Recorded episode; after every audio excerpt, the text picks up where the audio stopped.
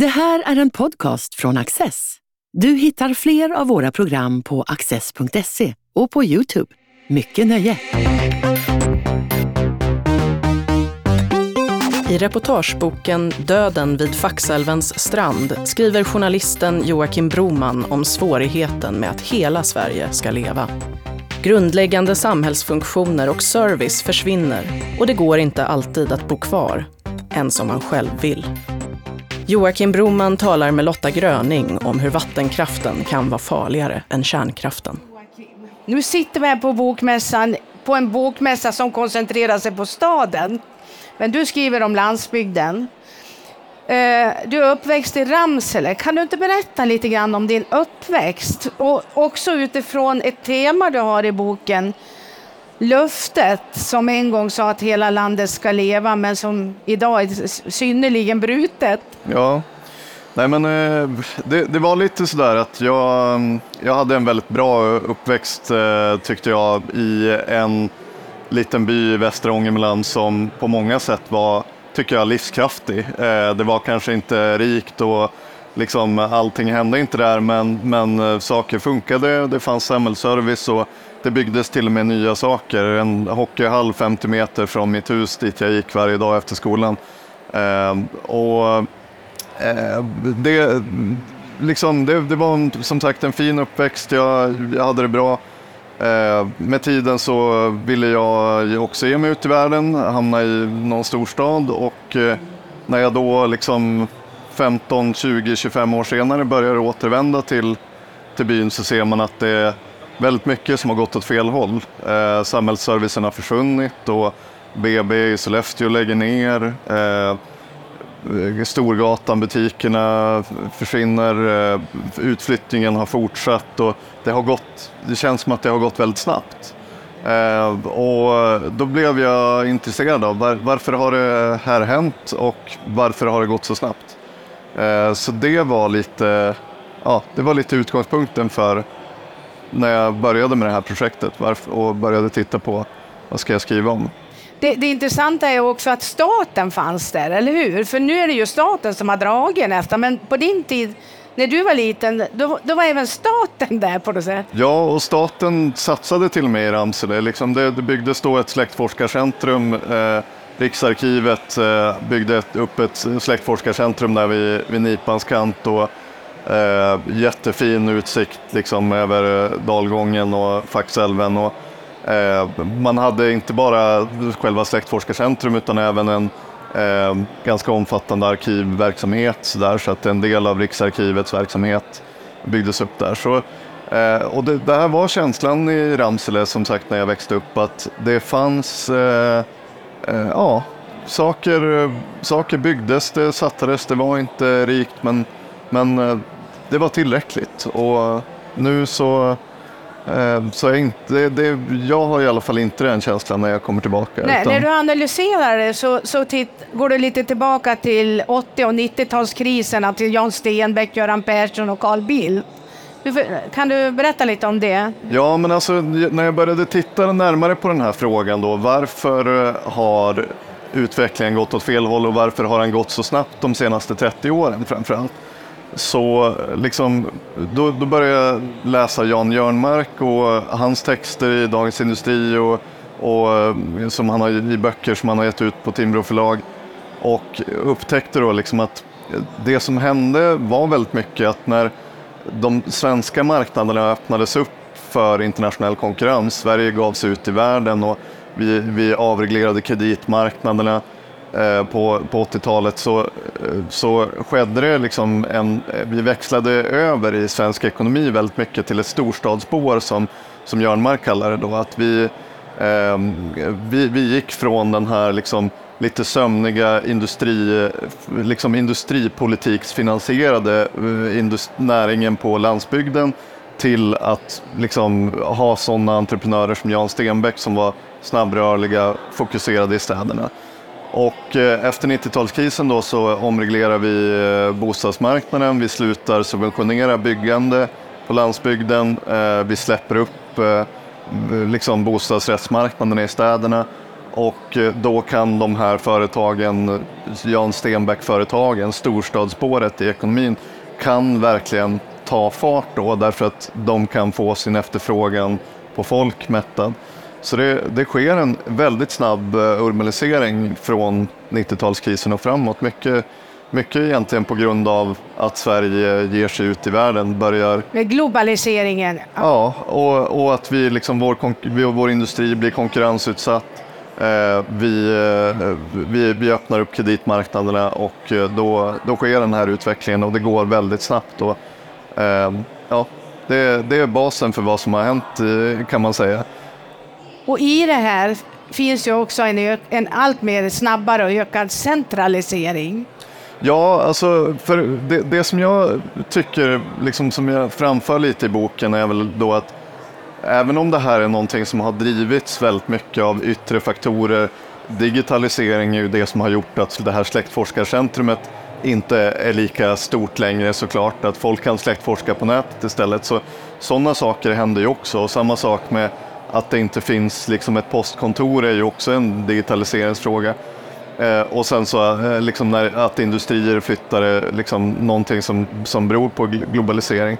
Men jag ser också att politiken har gjort väldigt lite för att just korrigera för den utveckling som har skett. Och vi, vi har gjort väldigt lite för att hantera den utvecklingen med politiska medel. Och det tycker jag är väl liksom lite det svikna löfte som jag pratar om i bokens inledningskapitel och i titeln, att eh, det, det har inte funnits liksom en politisk ambition och, och vilja att verkligen hantera den, eh, den utveckling som har funnits.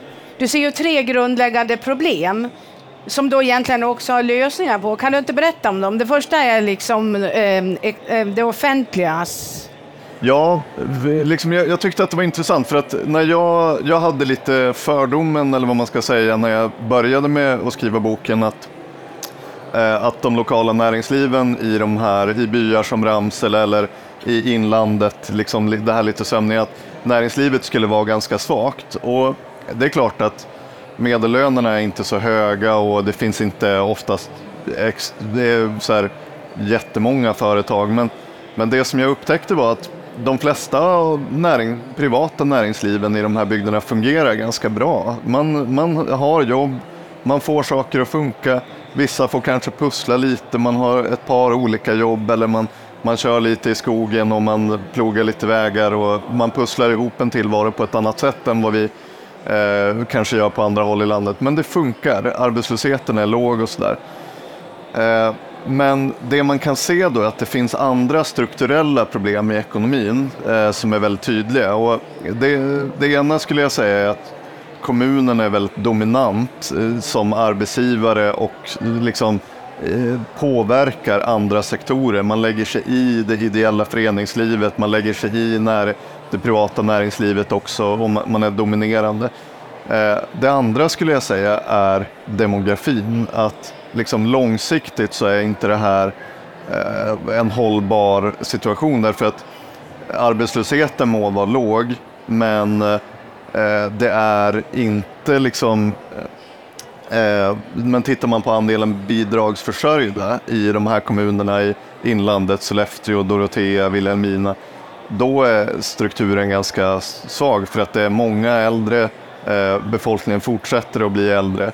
Eh, jag tror att Sollefteå kommun som Ramsele ligger i har bland Sveriges äldsta eh, invånare sett till medelålder. Liksom. Så, eh, och det, det, är en väldigt oroande utveckling att på lång sikt så, som, så kommer försörjningskvoten, de som jobbar och ska behöva försörja fler och fler, det, det kommer att bli ett problem på lång sikt kan man verkligen konstatera. Men någonting som är väldigt viktigt och som du också ser som en lösning, det är liksom hela den ojämlika ekonomiska fördelningen och de här kommunernas ekonomiska, alltså statsbidragen. Ja, ja men utjämningssystemet tycker jag är det är intressant för att det är ju ett politiskt verktyg som vi har egentligen för att hantera just sådana här strukturomvandlingar, sådana här problem.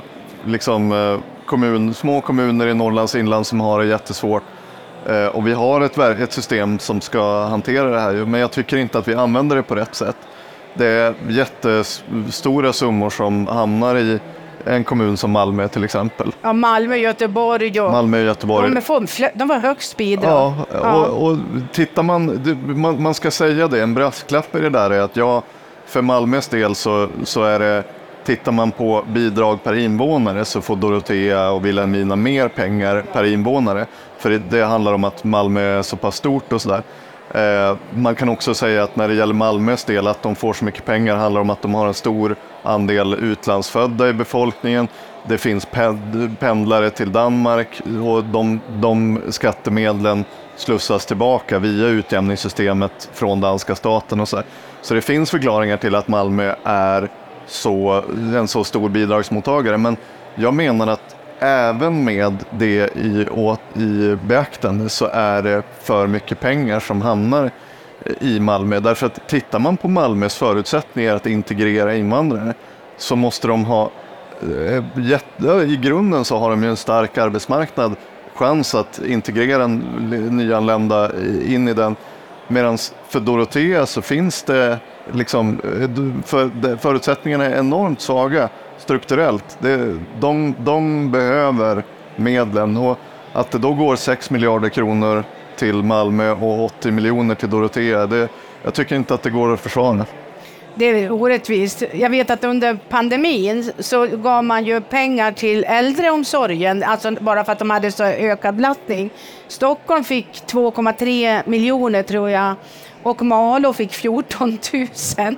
Och det säger ju en del. Riksrevisionsverket har ju, de har ju anmärkt på det här år efter år efter år och det händer ingenting. Nej. Vad beror, vad, hur ser du på det? Alltså, vad beror... ja, men jag, jag, det, det, är ju en svårlöst fråga för det är liksom eh, man, att lyckas väga in alla de här sakerna och det, det, finns många starka intressen som drar åt olika håll. Men det, det, finns en utredning igång nu som, som eh, ska titta lite på, på utjämningssystemet. Jag är faktiskt ganska pessimistisk till att den kommer att leda till, till några väsentliga förändringar. Jag tror att vi, vi har sett eh, det här tidigare, att vi har försökt eh, liksom skruva om i det här och jag, jag är rätt så krass kring det. Jag är inte säker på att det kommer att bli någon skillnad faktiskt. Du, du skriver lite grann, också lite grann om, eller ganska mycket, om den här um, eh, gröna industrialiseringen och du säger att du är lite försiktigt skeptisk till den. Ja, ja men jag, jag, jag, jag skulle kanske, jag har funderat just på den där formuleringen eh, kring skeptisk. För, för jag, å ena sidan så hoppas jag ju att det här ska bli bra. Jag, jag har verkligen förhoppningar om att det ska Eh, bidra till en, en utveckling i de här bygderna, både ute vid kusten och att det ska kunna spilla över på, på inlandskommunerna. Eh, och samtidigt så, så är jag vars, vaksam och varsam kring hur eh, för att jag, jag, jag, jag har sett tidigare liksom att det är väldigt lätt att springa iväg med en optimism att nu vänder det för Norrland, nu kommer allting att bli annorlunda. Och, eh, jag, jag, jag, tycker också att man kan se vissa varningsflaggor som är lite oroande kring hur eh, de här, liksom, det, blir ganska mycket statliga medel, industripolitik, eh, där vi, staten lägger sig i, spenderar pengar eh, och där företagen också nu, liksom på ett sätt som vi inte har sett förut, kräver sådana insatser. Northvolt, det är nästan bara statliga pengar. Just, ja. Exakt, och Northvolt, liksom, jag, jag, jag har sagt det att jag, jag är väldigt förvånad för att vi, vi är inte vana eh, de senaste 40 åren i alla fall vid att svenska företag rakt ut säger nu får ni ge oss subventioner annars flyttar vi. Det, det, det är inte liksom, den typen av skamlöshet har vi inte sett. Eh, nu finns den där och, och liksom utvecklingen i USA och i EU och i, liksom delvis i Sverige pekar på att det kommer att finnas eh, liksom en vilja för staten att blanda sig i på det sättet. Och då är jag rädd att vi inte riktigt har lärt av det som vi såg under efterkrigstiden, för det var precis det som hände. Och när vi då hade de här liksom, in, industrierna på landsbygden som subventionerades av statliga medel. Vattenrallarna till exempel i Ramsele. Och, ja. och Saabfabriker över hela landet som Jan Jönmark skriver om. Så ja, när de väl eh, utsattes för den här internationella konkurrensen, då, då vek de sig. Då klarade de inte av konkurrensen. Och då försvann de och de där fabrikerna står tomma på många ställen än idag. Så, så jag tror att jag, jag är hoppfull kring den här industrialiseringen. Jag ser absolut behovet av den ur klimatpolitisk synpunkt. Men jag är vaksam och lite försiktigt skeptisk till att det ska bli så bra som, som vissa uttrycker och hoppas. Du tror inte på 100 000 nya inflyttare till Norrland? Nej, nej men jag, jag, jag, jag är väldigt överlag eh, kritisk till den typen av glättig optimism som har figurerat ibland kring, kring landsbygden. Eh, där man har sett hur liksom, Eh, vi, vi, har det här, liksom, jag skriver inledningskapitlet om det här löftet att hela Sverige ska leva. Eh, I vissa sammanhang har man till och med börjat säga hela Sverige ska växa. Och det, det, är en typ av, jag är väldigt kritisk till hur man, hur man förhåller sig till det. Eh, jag har ett vagt minne av att en kompis som eh, satt i, i Kramfors kommunfullmäktige för 20 år sedan när de skulle bygga Botniabanan sa liksom att eh, kommunen räknade med att det skulle bli 3000 resenärer per dag som stannade i Kramfors och det här skulle bli en fantastisk utveckling för stadskärnan. Det är precis den typen av naiv eh, optimism som jag tror är skadlig för, eh, för de här bygderna för att man man ser inte realiteterna och man, man gör inte verkliga kalkyler. Man fattar beslut om investeringar som inte blir bra. Ehm, så, så man, man måste ha liksom optimism i all ära, men den måste vara nykter och grundad. Mm. Och de här kommunerna, de lånar ju upp väldigt mycket pengar. Det handlar ju om ja, miljarder faktiskt tillsammans. Eh, och en kommun som Boden över 50 miljoner och mer därtill. Alltså. Men du, jag skulle vilja prata lite extra med dig om älvarna. Där säger du liksom att det finns en historisk orättvisa. Ja, men eh, jag, jag, jag tycker så här att eh, överlag när man pratar om Norrland så finns det en eh, slags eh, man, man, pratar om det lite som att eh, det är en kolonialism där eh, södra Sverige har sugit ut Norrland och tagit alla nat naturresurser. Och på det stora hela så är jag väldigt kritisk till det, det sättet att beskriva situationen. Därför att jag tycker att när man tittar på skogsnäringen, när man tittar på gruvorna, man tittar på liksom många av, av det, som, ja, det som man menar då är den här typen av kolonialism så, så har mycket kommit tillbaka till Norrland. Skogsnäringen är jätteviktig arbetsgivare och skatteinbetalare i, i de norrländska länen. Eh, gruvorna eh, skapat jättemånga jobb eh, och gett tillbaka jättemycket. Så eh, jag, jag, tycker inte att det generellt finns fog för det. Men i just fallet med vattenkraften så kan man verkligen tala om att här, här har vi enorma ingrepp i landskapet. Vi förstör forsar, vi leder om i Kilforsen som jag skriver om så ledde man om hela älven rakt genom berget, sprängde fram en tunnel och, och liksom genade genom berget istället. Eh, enorma ingrepp i ekologiska system, i forsar, i, så här, med, med, enorma miljökonsekvenser, enorma sociala konsekvenser. Och eh, vad, vad fick man tillbaka för det? Eh, södra Sverige med sina industrier, Mälardalen, eh, Bergslagen, de fick sin el, men, men vad kom tillbaka till de här bygderna? Det, där, där tycker jag att det finns en historisk orättvisa som, eh, eh, som är väldigt intressant. Ja, och det var ju när de byggde så var det de här, rallar, de här vattenrallarna och samhällen byggdes upp och sen bara över några, en dag så flyttade alla och de drunknade i vatten. Ja. Och, ja, och de får inte behålla någonting av inkomsterna heller som genereras. Nej, precis. Så, eh, det, det, finns ju det norska exemplet som eh, man, man ibland tar upp i de här sammanhangen. Att, att Norge har sina kraftkommuner där väldigt mycket kommer tillbaka till, eh, till den lokala kommunen och på, på olika, genom olika skatter och eh, regleringar så, så kommer det tillbaka. Men i Sverige så, så gjorde vi inte det utan eh, hela, liksom, hela värdet av det här hamnade i staten eller i eh, syd, i mellan eller sydsvenska kommuner och hela, eh, liksom, de, alla de negativa konsekvenserna lever man med i Norrland än idag. Du, du går till och med så långt så att du ser nästan att vi skulle återskapa, alltså att, att vi ska um, ja, Eh, ta bort vattenkraften successivt. Eller? Ja, men jag, jag vill åtminstone väcka den tanken för att jag, jag tycker att det är eh, eh, jag har aldrig hört någon lyfta den tanken i, i svensk politik. Jag inser att det är ett enormt stort projekt och det är ingenting som Eh, liksom, jag, jag, tror att det här är någonting man kan prata om på 50-70 års sikt kanske. Eh, det är en väldigt långsiktig vision. Men, jag, men jag, jag, jag, tycker att det där vore att ge ett sådant löfte till de här bygderna, till de här länen och regionerna. att Ja, det finns en historisk orättvisa här och gradvis så ska vi åtgärda den genom att återställa de här älvarna. Eh, och det kommer att komma alla till del och vi gör det i den takt som övrig energiproduktion kan ersätta de här vattenkraften.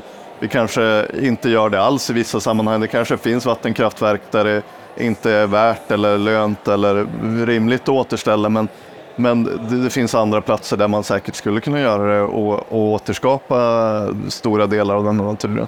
Det skulle vara jättebra ur miljösynpunkt och ur social synpunkt. Eh, och det skulle vara ett sätt att betala tillbaka den här historiska skulden. Och du gör en annan jämförelse också som är helt ny. Och det är att vattenkraften är mycket farligare än kärnkraften. Ja, och det, det, för mig är det här eh, väldigt intressant. I, eh, jag har varit intresserad av kärnkraften i, i eh, ganska många år nu och ju, ju, mer jag har lärt mig om den desto märkligare blir det för mig att man Eh, man ser vilka olika måttstockar vi, vi har haft, i, i, inte bara i Sverige utan över hela världen kring, kring just säkerhetsfrågorna. Eh, Torbjörn Fälldin var, eh, när han var statsminister, var besatt av kärnkraftens säkerhetsaspekter. Den här Harrisburg-olyckan förändrade svensk energipolitik. Det, det är så otroligt märkligt därför att det, det var inte ett, ett enda dödsfall som ett resultat av Harrisburg-olyckan. Eh, vi pratar liksom några hundra dödsfall totalt på, på kärnkraften i hela dess historia. Medan vattenkraften har haft olyckor som har dödat hundratusentals. Bara fyra år innan Harrisburg-olyckan eh, så var, var det en, olycka, en, en, en dammkollaps i Bangchao i Kina som dödade kanske 130 000 människor i ett svep. Eh, vi hade på 60-talet ett dammbrott i Italien som dödade 2500. Eh, titta på det här dammbrottet eh, där ryssarna sprängde dammen i Ukraina. Eh, det är en fullständig ekologisk eh, katastrof. Men ändå så pratar vi inte om eh, det är ingen som pratar om kärn, eh, vattenkraftens säkerhetsaspekter och jämför det med, med kärnkraften, trots att kärnkraften med alla mått mätt är det säkraste storskaliga eh, kraftslaget. Jag brukar säga att eh, om, om vi hade liksom tusen dödsfall per år som ett resultat av kärnkraften, då skulle vi inte ha en enda reaktor kvar i drift.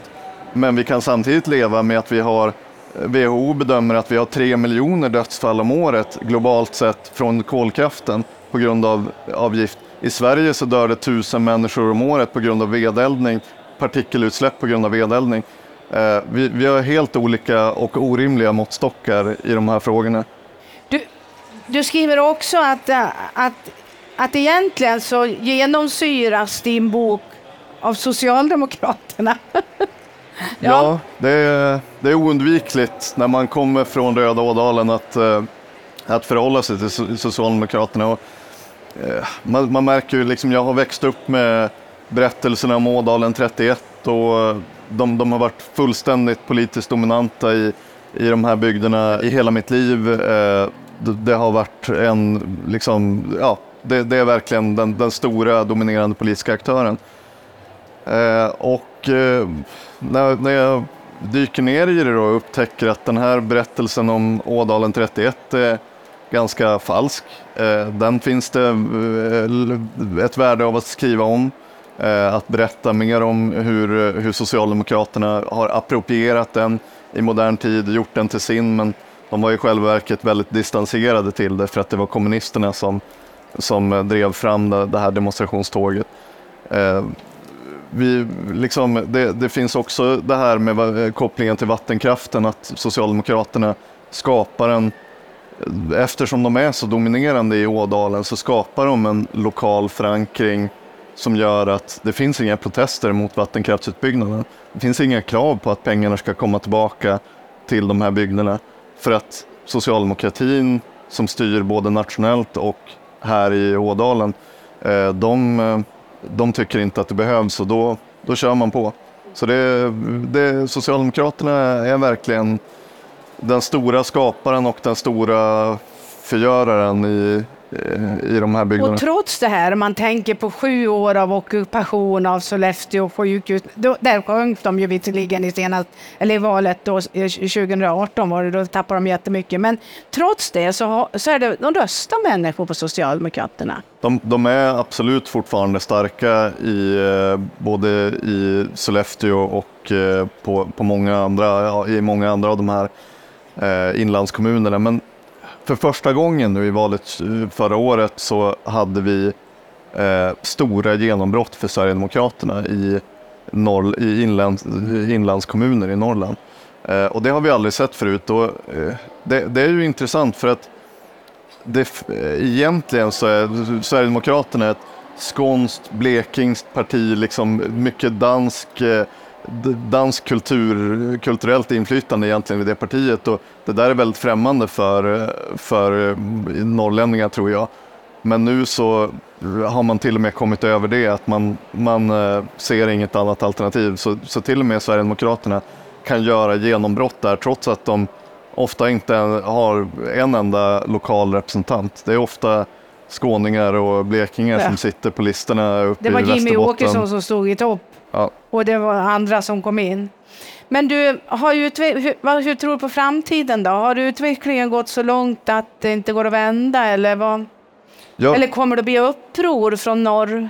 Jag, jag vet inte det. Jag tycker det är jättesvårt att, att, att göra några stora utfästelser om, om vart det här ska ta vägen. Men så mycket kan jag väl säga att den, den gröna industrirevolution som finns nu, om vi, vi hoppas att den ska bli bra och sen så finns det saker vi kan göra politiskt för att lite grann ja, sänka trösklarna eller höja upp de här, ge de här kommunerna lite grundläggande förutsättningar att faktiskt... Det är eh, pengar till kommunerna kanske? Ja, det är inte bara pengar, men ett reformerat skatteutjämningssystem är absolut en viktig del av det. Men sen tycker jag att bostadsmarknaden är en underskattad nyckel i det här. Det var en av de mest intressanta sakerna tycker jag som jag upptäckte i arbetet med den här boken. Att bostadsmarknaden eh, eh om vi, under väldigt många decennier så subventionerade vi bostadsbyggande på samma sätt som vi subventionerade industrier i de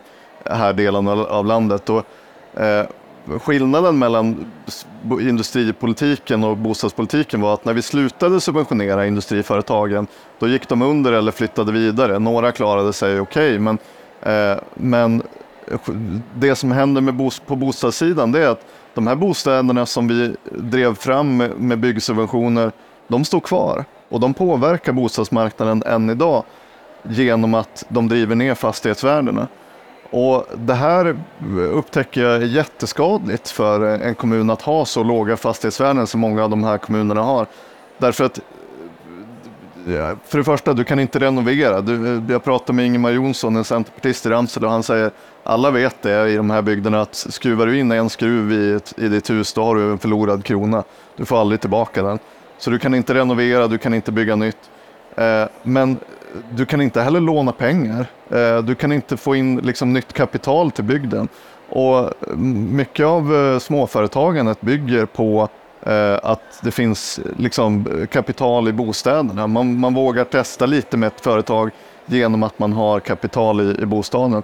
Så, så det är oerhört skadligt för en bygd att ha så här låga fastighetsvärden. Och, och det, det lägger liksom en död hand över, eh, över hela bygden. Så det, det, är verkligen någonting som man skulle behöva åtgärda.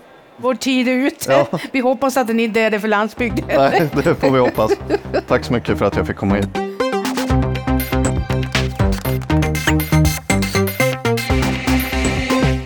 Du har just lyssnat på en podcast från Access. Du vet väl att vi också är en tv-kanal och tidning? Teckna en prenumeration idag på access.se.